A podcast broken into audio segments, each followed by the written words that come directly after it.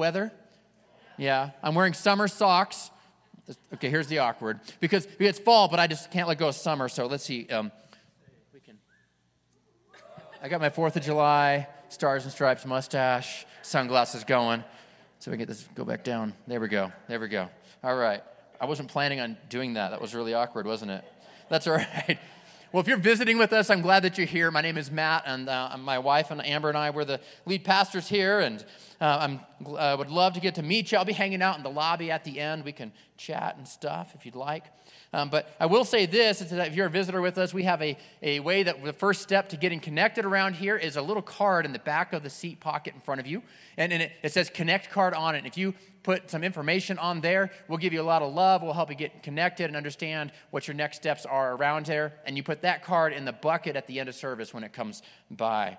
And so, yeah, I'd also like to say hello to everybody who's watching online because we know that people watch online before they come in person. I want to say hi and welcome, and we'd love to meet you in person as well. So, we're starting a brand new series, a brand new series called Quit Church because your life would be better if you did. And I know what you're thinking. What in the world? Has, Pastor Matt lost his mind? We're shutting, no, we're not shutting down the church. Hear, hear me out. We have this uh, new series called Quit Church, and, and Pastor Chris Sonksen, who was here last week, um, he wrote a book called Quit Church, and, and I thought, man, I loved the book. And so when he was coming to town, I thought, this would be the perfect time to kick this off. So we actually have a whole bunch of books. If you didn't grab one last week, you can grab one this week. They're right out through those doors over there, and, and they're, they're free. Grab one, take one, take one for every person in your house who's going to read the book, you know, um, and, and and I just want to say thank you for your generosity. You, you paid for the book. I don't know if you know that. We took the offering that you gave um, and a few weeks ago and took some money from that and bought some books so we can give them out to you. And so we can do this series together. And so you own the books. You already paid for them. They're already out there. Just grab one on your way out the door. Um, and, uh, and so that you will uh, be able to read along and kind of see where we're headed. You can read ahead if you want to. But, but I want to tell you, we're going to preach through this, the ideas and concepts that are in this book because I thought they were so powerful for what the church in the United States needs today. And our church probably needs some of this too. Now, we're better than average, aren't we? Amen, right? Now, now I got we might not be the biggest church in town, but we are the best looking church in town. We all know that, right? That's right. That's right. So listen, uh, here we go. So growing up, when I was a kid, my family had a rule.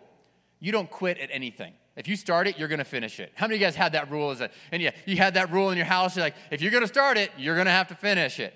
My dad would say things like, I'm not raising quitters, you're going to finish it, you know? And, and so there were things in life that I would encounter that I wanted to quit all the time, but I, but I wouldn't quit because I could hear my dad's voice in, in my head saying, you know, hey, well, don't, you can't quit, son. You started, you got to finish. And, and, so you got to finish, right? And so uh, when I was a teenager, it started because I had to mow the yard. That was part of my chores. And we had the largest yard humankind has ever seen massive. I mean, absolutely massive. It was, you know, and I had a little put, it wasn't really that big, but it felt huge when I was a teenager. And so I would mow the yard and, and I'd want to stop halfway and maybe get a water break or something. And I, the whole time, all I could think of is, not a quitter. I'm not a quitter. I'm not a quitter. We're going to get this thing done, you know? And then, and then sure enough, you know, as a kid growing up, it, I also wanted to quit the vegetables. My parents put vegetables on my plate and they'd be like, You started your meal, you're gonna finish your meal. I didn't raise a quitter, you know? And it takes, you know, a certain characteristics to be able to get past the quitting point in life, doesn't it? It takes some certain characteristics. You gotta have persistence.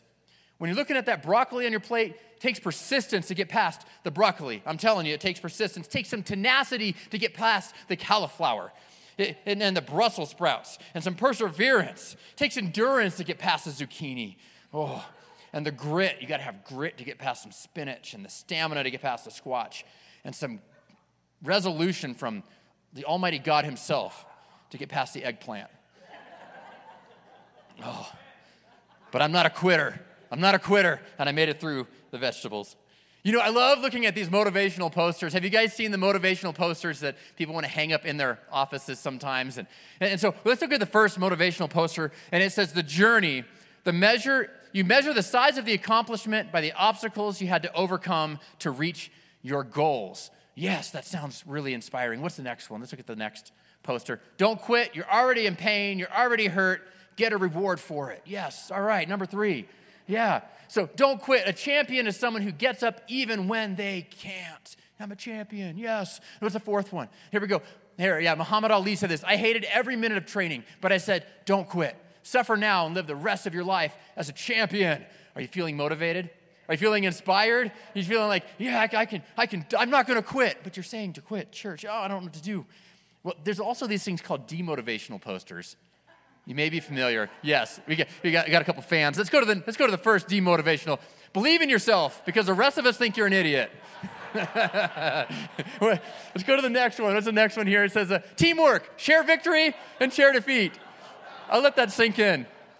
Yeah, yeah, yeah. They all got the cheese and the trap. All right, next one. Aim high. What's, what's the worst that could happen?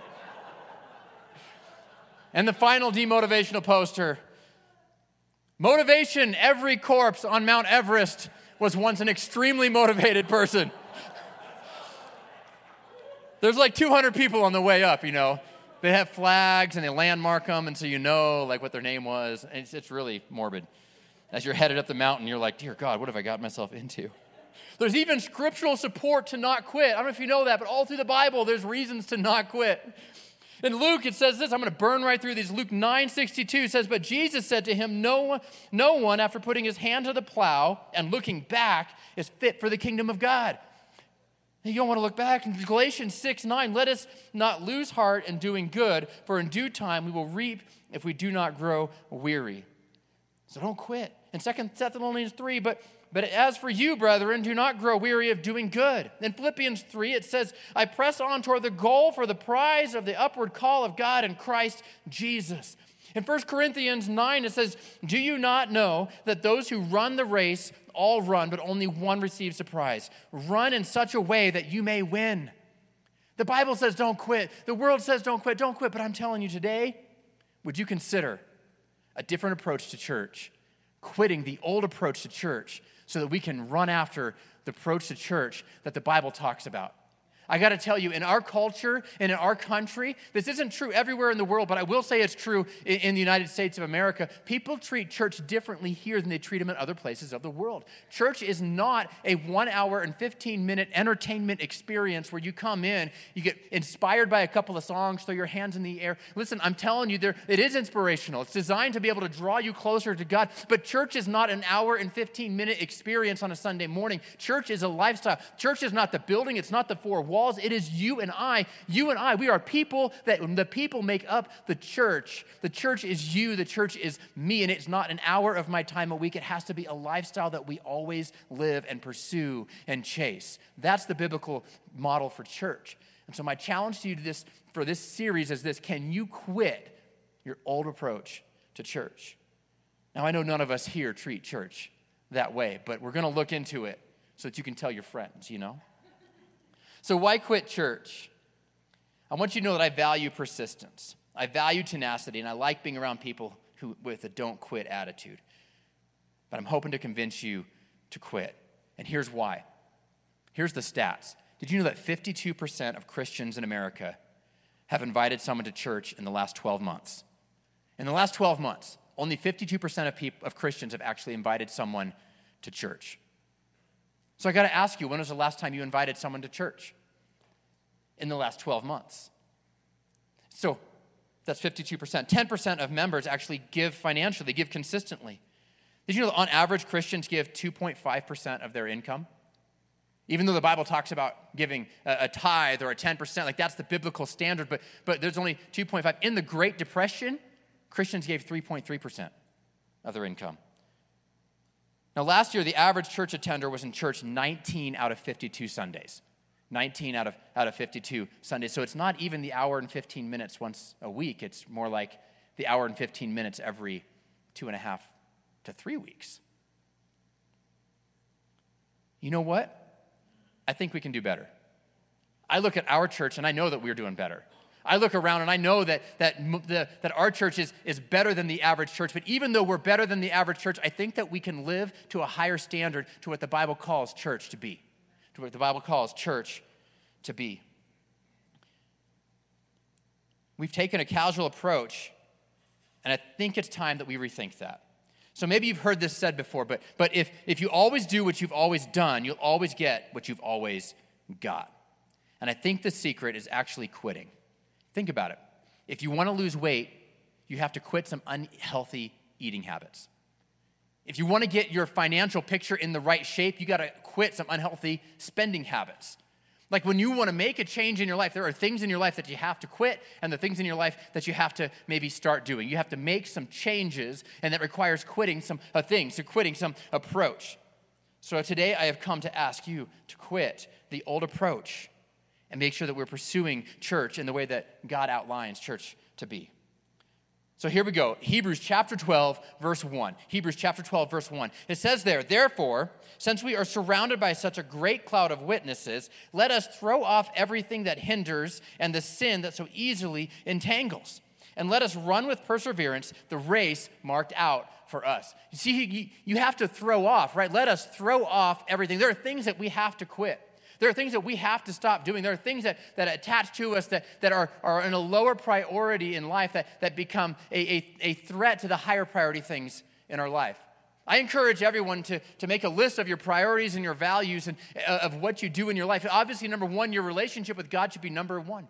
Number two, if you're married, it should be your spouse. Number three, if you have kids, that should be your kids. But when you start looking through all these different things, where are the different rankings of things in there? Because if, if going to your kids' soccer games is, is, is, is, causing problems where you're not having a great marriage, you can't spend time with your wife, what you're saying is your kids' extracurricular soccer activities are now more important than your relationship with your wife.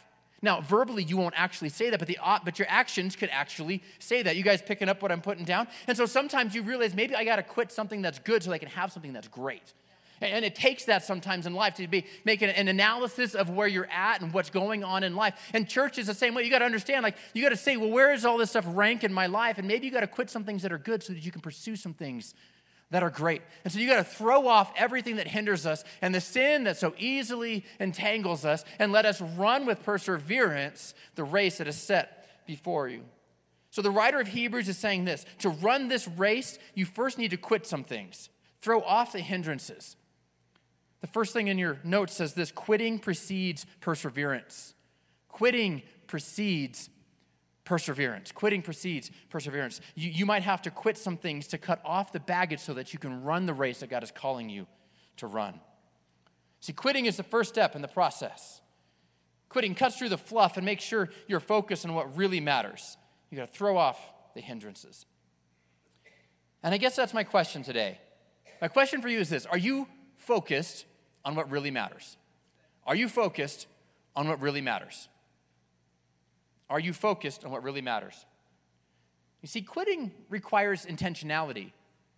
Sometimes when we get stuck in the moment and life is chaotic and, and you're overwhelmed and you have too much on your plate, I, I know you've been there. You're like, I, I have too much stuff on my calendar. Things are slipping through the cracks. Things aren't getting done. I got I to get some stuff off of my, my calendar. And if you're not intentional about it, you may be taking the wrong things off of, of the calendar, off of your, off of your plate. You got to be intentional about what you're going to quit. See, quitting forces you to ask yourself some tough questions. Where does this really rank in my life? Quitting asks you to prioritize. Where, where are you going to give your time? Where are you going to give your talent? Where are you going to give your treasure? The resources that God has given you as a, as a person on earth, where are you going to invest that?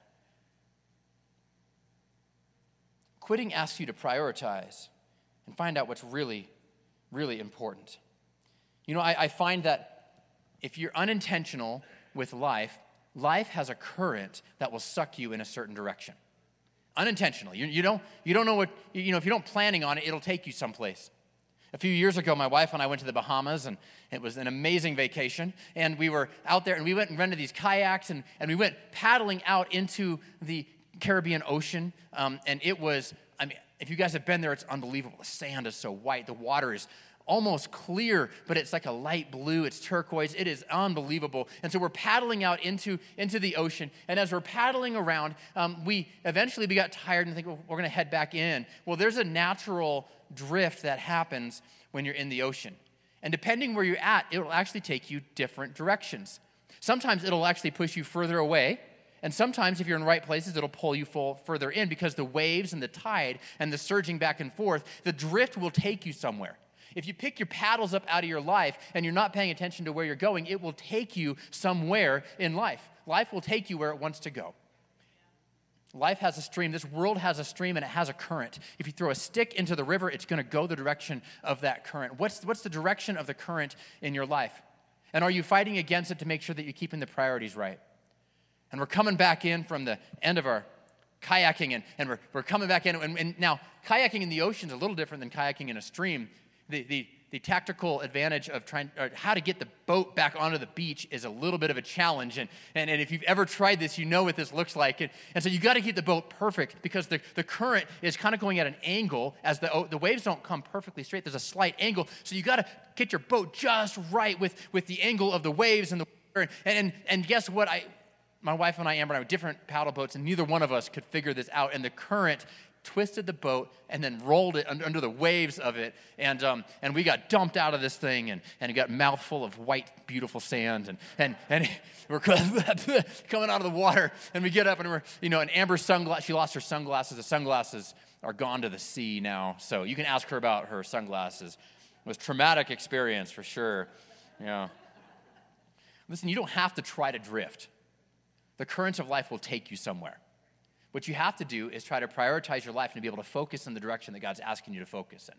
That's what takes a little bit of effort. You might be here today and you've been drifting through life, and I'm telling you the secret is learning what to quit and be willing to quit the things that need to be quit in life. Drift happens naturally and quickly. It does happen quickly. Quitting precedes perseverance. So figure out what you need to quit Get in your lane and go for it. You see, when you quit one thing, it allows you to focus on something else that's more important. Life is all about trades, it's all about choices. Sometimes we want our cake and we want to eat it too, but, but you got to decide, like, what's the more valuable thing? So many times we have great options in front of us, and you have to choose I'm not going to do this good option so I can do this great option. So to be able to work through that and discover what, what God is calling us to, and to be able to make a focused decision to get there. In fact, in Matthew chapter 4, we find a few guys that have come to know as Jesus' disciples. But, but before they were Jesus' Jesus's disciples, they were fishermen. And so if you go to Matthew chapter 4, verse 18, it's, it's up here on the screen, or you can flip in your Bible. As Jesus was walking behind, beside the Sea of Galilee, he saw two brothers, Simon called Peter and his brother Andrew. They were casting the net into the lake, for they were fishermen. Come follow me, Jesus said and I will send you out to fish for people. At once they left their nets and followed him. Going on from there, he saw two other brothers, James, the son of Zebedee, and his brother John. And they were in a boat with their father, with their father Zebedee, preparing their nets. And Jesus called them, and immediately they left the boat and their father and followed him. They left the boat. You see, doing something great for God requires that we leave some things behind. Doing something great for God requires that we leave some things behind. See, Peter, Andrew, James, and John, they were fishing when Jesus called them. They were, they were working, they were in their father's business, they were they were pulling fish. They were fishing for the intention of their job. They're going to sell the fish in the market and, and make money and provide. And, and, and, and, and I'm not saying quit your job. I mean, I don't know. If God's saying quit your job, then do it. But, but I'm saying like, like they were in the middle of doing something productive, something that was good. It wasn't something evil. It wasn't something bad. So many times, sometimes we, we have this idea that, that um, you have to be in a really bad place for Jesus to call you out of to go follow him. You might be in a great place in life, but you're just not following Jesus. And, and Jesus can still call you out of that same place and, and say, hey, listen, I want you to come and follow me. The, the, the root issue is this is that you can't stay where you are and follow Jesus.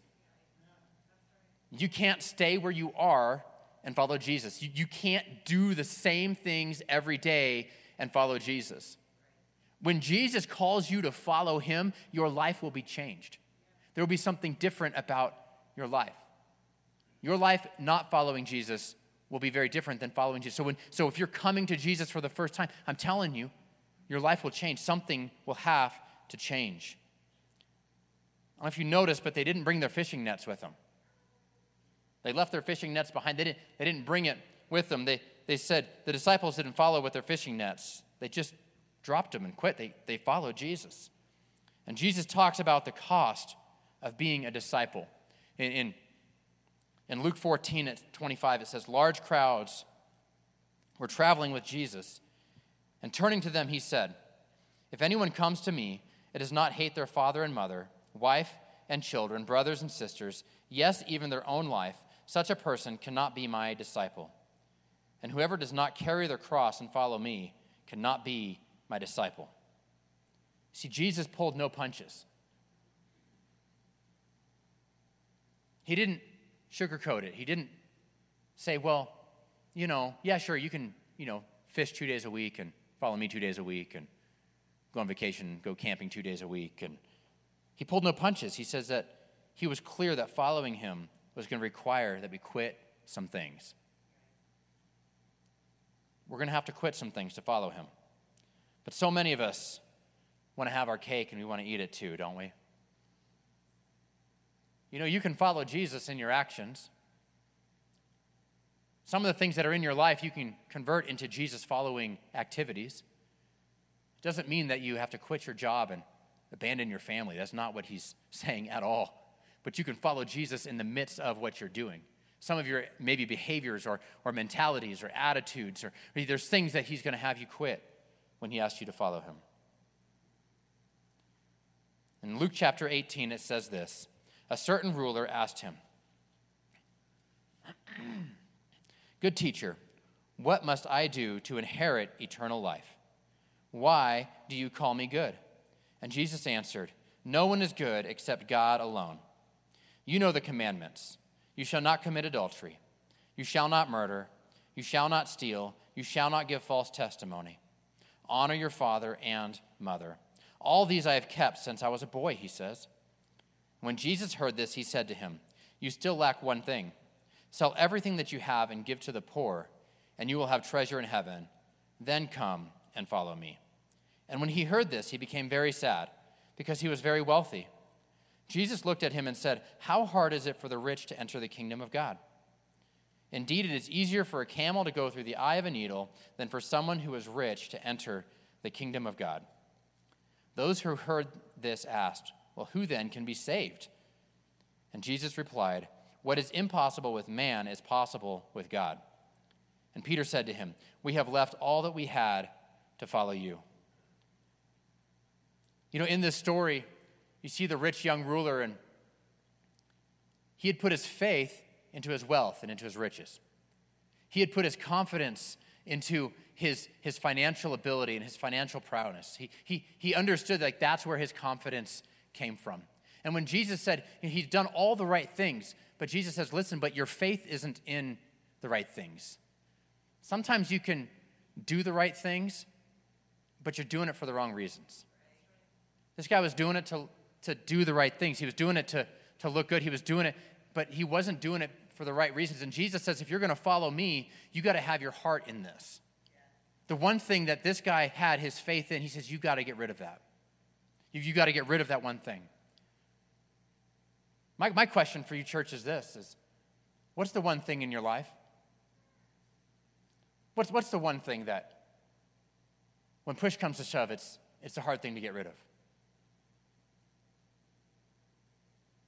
Is it the status? Is it the, is it the wealth? Is it, is, what is it? I think so many of us have things that entangle us and that hold us back. What is the one thing? It might be wealth, it might not. But what's, what's the thing that maybe Jesus is asking you to quit as you're continuing following Jesus?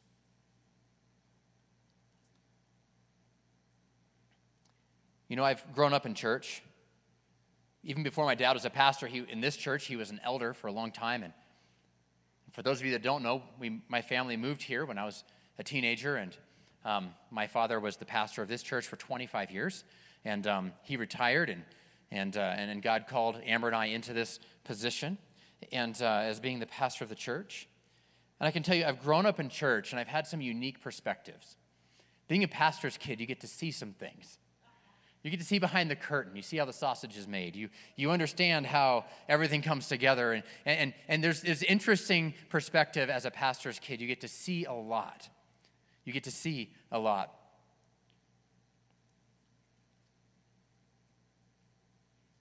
if I can make a couple of observations, I would say this that number one, is one of my observations growing up as a pastor's kid.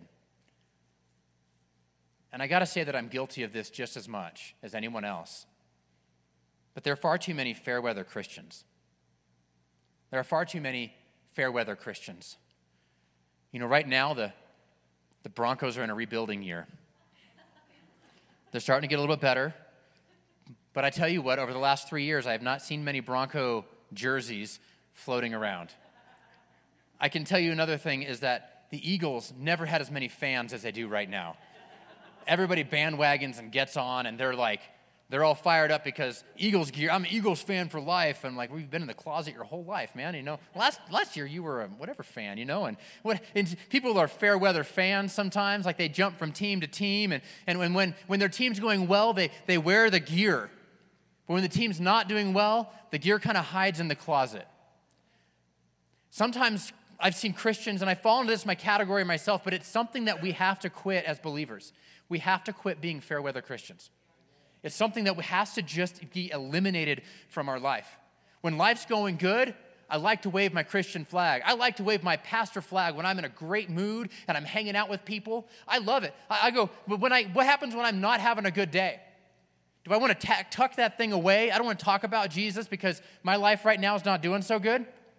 Maybe I'm in a rebuilding year in my own life. Maybe you're in a rebuilding season in your life. You're making some trades, your, you know, your, your offensive line needs to be rebuilt up, or your defensive line, or, you know, in your own life, you have something going on and you got some situations, and it's like, well, I'm not gonna really wear my Christian gear today because, because you know, my, the situation in my life isn't so great right now. Guys, we've got to quit being fair weather Christians in the good times and the bad times, we have to wave the flag. We have to put on the gear. Because listen, God gets just as much, if not more glory in your life when you're going through a hard season and you give God the praise and when you're in a good season and you give God the praise. Because anybody can give God praise in the good seasons in life. When you're in the hard season, that's when that's when the rubber hits the road. That's when the die-hard fans come out. It's when the Broncos are in their worst season ever. I will still wear my, my old school now Peyton Manning shirt within the Broncos to the lows, and I rep it with pride even when he's not even playing there anymore because I'm, a, I'm a hardcore fan. Listen, are you a hardcore fan or are you a fair weather Christian? I got to tell you, we got to quit being fair weather Christians. Even in the hardest times of life, we got to be able to say, listen, I know that I, I've messed up. Some people in your office might be like, are you serious that person's a Christian? I've seen how you behaved at the company party two weeks ago. And you can say, listen, I'm, I'm battling my stuff too, but what I do know is that even though I'm imperfect, I serve a God who is perfect. You wave your Christian flag. It doesn't matter what you're going through. Listen, God can get glory in your hard times just as much as He can in your good times. He can get glory just as much. Listen, we can't be, I can't be this is in your notes written as I can't be so that you can read this to yourself later. I can't be a Christian when it suits me. I can't be a Christian when it, I have to be Christian all the time. I can't just be a Christian when it suits me. I got to be a Christian all the time. I can't just be a Christian when it's comfortable. I, I can't just be a Christian when it's comfortable. I can't be I can't just be a Christian when it works out for my now, this one, I, I put a blank in there, I put schedule. But maybe for you, it isn't schedule. I was thinking about that this morning. I was like, that blank, you might need to put something else in there. It works out for my schedule. It works out for my maybe relationship. Maybe I, I can be a Christian. It works out for my argument, when my budget, my like okay, I'm just going to be a Christian. and It works out for my. I threw in schedule because that's the one that was always hard for me but maybe the schedule isn't the one for you. You might need to write something different in that blank. Because 19 out of 52 Sundays is not a good schedule. That's not the brand of Christianity that Jesus has called us to. It's not. The temptation when you're in fair weather Christian mode is this is that when I'm doing well, I'm going to go to church and I'm going to worship God. But if I've had a hard week, I don't want to go to church and I'm not going to worship God. And I can tell you from a personal experience, personally, and growing up in the church and watching this, when people are having a hard time in their personal life, they typically want to reject everything that has to do with God. Now, my, my opinion is because the contrast is apparent between the standard that God has and where you're currently living. But listen, God, God isn't that voice. God isn't the one who's saying, gee, you, you're kind of, you better get yourself fixed up before you come in, you know? We don't have bouncers at the door like, how's your soul today? Sorry, yeah. You seem a little bitter. No church for you. Like that doesn't have, that isn't it. When you're struggling, that's the time that you need to be in church. When you're struggling, that's the time that you've got to be here. When you're struggling, when I'm struggling, it's the time that I have to be here. Listen, guys, I'm human. I have my own ups and downs just like all of you. There's days that, that I, I don't feel like praising God.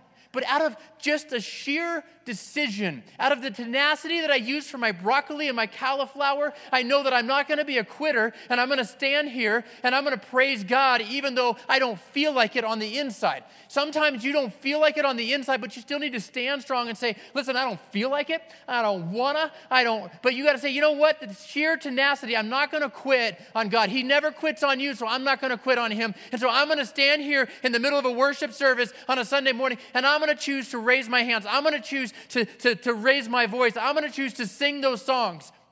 Not because I feel it, but because I'm telling my soul that it has to be true. And I'm telling God, like, I know in my knower that you are a good God, even though I don't feel it right now in my circumstances. Because we all get circumstances sometimes that put us in the place where we don't want to do it. But I'm telling you, we have to. We have to do it. We've got to quit being a seasonal Christian. If the band would come, and I'm going to close up right now. Number two is this is the kind of Christianity that Jesus has called me to will require me to quit. The kind of Christianity that Jesus has called me to will require me to quit.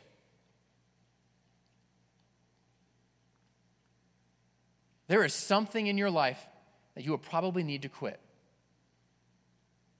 I don't know if you've noticed, but everybody in the world wants to add something to your plate. They want to add something to here, they want to add something to there.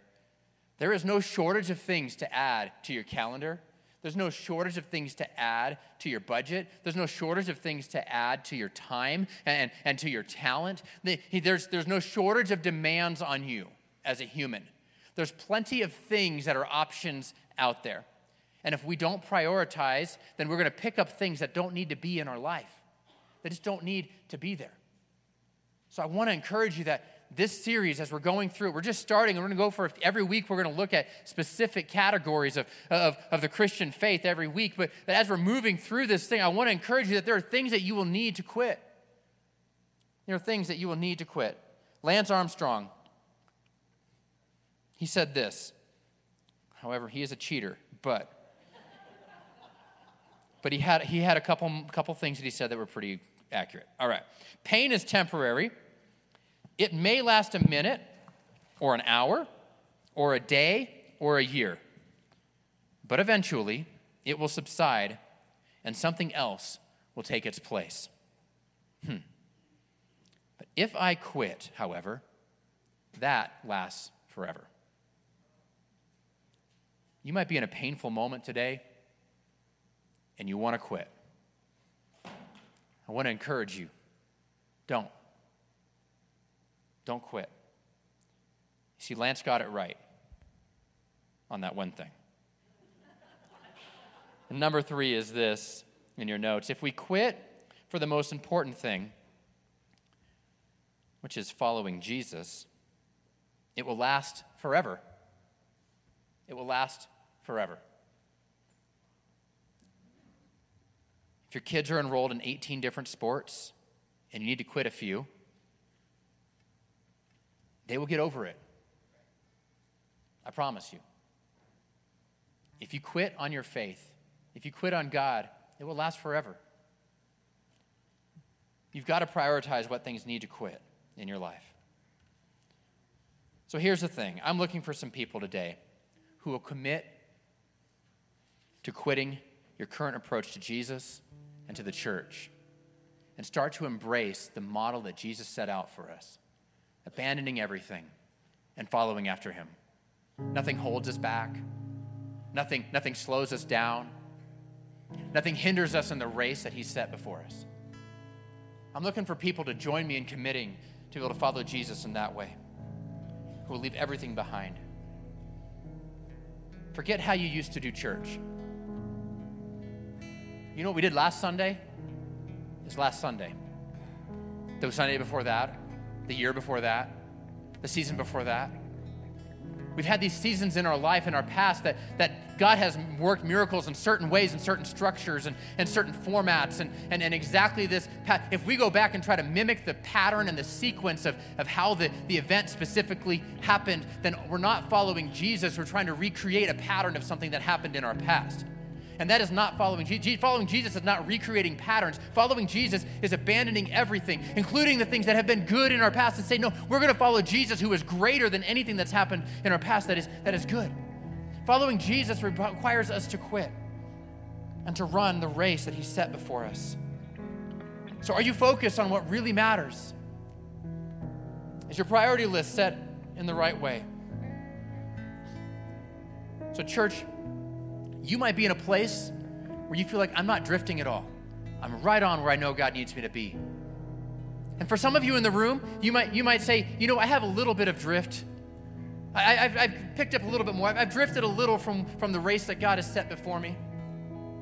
For some of you, the, the waves in your kayak are tumbling you underground, and, and you have a, a mouthful of sand, and, and, and, and you know that, like, man, I'm, I'm, I'm really like in a rough spot here. I recognize that there are all those spectrums in the room at, at every given Sunday. And this morning, you might identify in somewhere in this area of, of levels of drift. But this series is designed to help you stop the drift. This series is designed to help you get back into, into following Jesus and what it looks like and what it means in the different areas. I, my encouragement is that you wouldn't miss any of this, these weeks that we're, that we're headed into in this series. That would be my, my heart so cancel your vacations. I'm kidding. Some people don't even realize that you're drifting. So, church, here's what I want to do let's quit drifting. Let's recognize the drift and quit drifting. Let, let's start leaning into what God has for us. Let's lean into the direction that He's calling us. Let's lean into Jesus and look at what His calling each and every one of us to do and to be. So I'm looking for quitters today to start this journey to say, I'm willing to look at my life and see what I need to quit. There's a personal side to this as well. There might be something in your life that you legitimately know you need to quit. There might be an addiction or an affliction. There might be something that's that you've wrestled with maybe all your life, or maybe just for a season, and, and God's been calling you to quit and you've had a hard time with it. I want to encourage you to turn that over to Jesus. Say, God, I, maybe you have to say this I, I want to quit this, but I can't. And God, I need your help to do it. Because you and I both know that God's calling you to quit that thing. And maybe you're leaning on your own power and your own strength and your own understanding instead of leaning into the strength and the power of who God is. Because He has the power to help you get past that thing. So here we go Hebrews chapter 12 verse 1. Therefore, since we are surrounded by a great cloud of witnesses, we look around the room today and we see that we are surrounded, aren't we? Let us throw off everything that hinders and the sin that so easily entangles. And let us run with perseverance the race marked out for us. Will you bow your heads and close your eyes? I'd like to play, pray over you this morning. Heavenly Father, we come before you to say, yeah, we recognize that there are seasons of drift in our life, and maybe you're in, we're in that season today. So, God, I ask right now as a church, will you help expose the areas in our life that have drifted? Maybe we don't even see it. God, expose the areas in our life that have drifted. Help us to recognize those spots. God, I, I pray that, that our desire as a church would be to, be to, to become the church that you want us to be. God, I believe that you have called us as a church to have an impact in our city, to have a mission here, right here in Albuquerque and around the world. But God, I, I, I ask, God, that you would allow us to, to lose our drift and get focused on what you've called us to be. God, help us to see the areas of our lives that we need to quit so that we can run the race that you have set before us. That you have set before us. So, God, I ask this morning, right here, right now, God, help every one of us to have a renewed focus on you. Help us to have a renewed focus on where you want us to go. Help us to see these things in your name. In Jesus' name, amen. Amen. Amen. Awesome. At this time, we're actually going to receive our tithes and our offerings. And so if the ushers would come and, and they're going to start passing the basket through. If you're a visitor with us, we'd love to get a card from you to kind of help you get connected on your next steps. And, uh, and as they're coming forward, the digital options for giving are actually on the screens. They'll be there. And, and if you miss the bucket, that's okay. We actually have a box, a black box on the way out. You can drop something in there as well. You know, so the church, as we give, we actually believe that, that our giving is a time of worship. We, we believe that in giving to the mission of the church, do God's work in our city and around the world. And we believe that our giving is a time when we reflect Jesus in our generosity. So, Heavenly Father, we thank you for the opportunity to be generous. God, we thank you for the opportunity to invest in the mission of what our church is doing here and around the world. And God, I pray that you would bless these funds, that you'd allow the funds to be exponentially multiplied and be used to have a fantastic impact all around um, the, the, our city and around the world. In Jesus' name. In Jesus' name. Come on, church, let's stand and let's sing one last song before we leave this morning. I will take you at your word. For Jesus, you have taken hold of me. All my life is in your hands. You are my strength. You are my strength.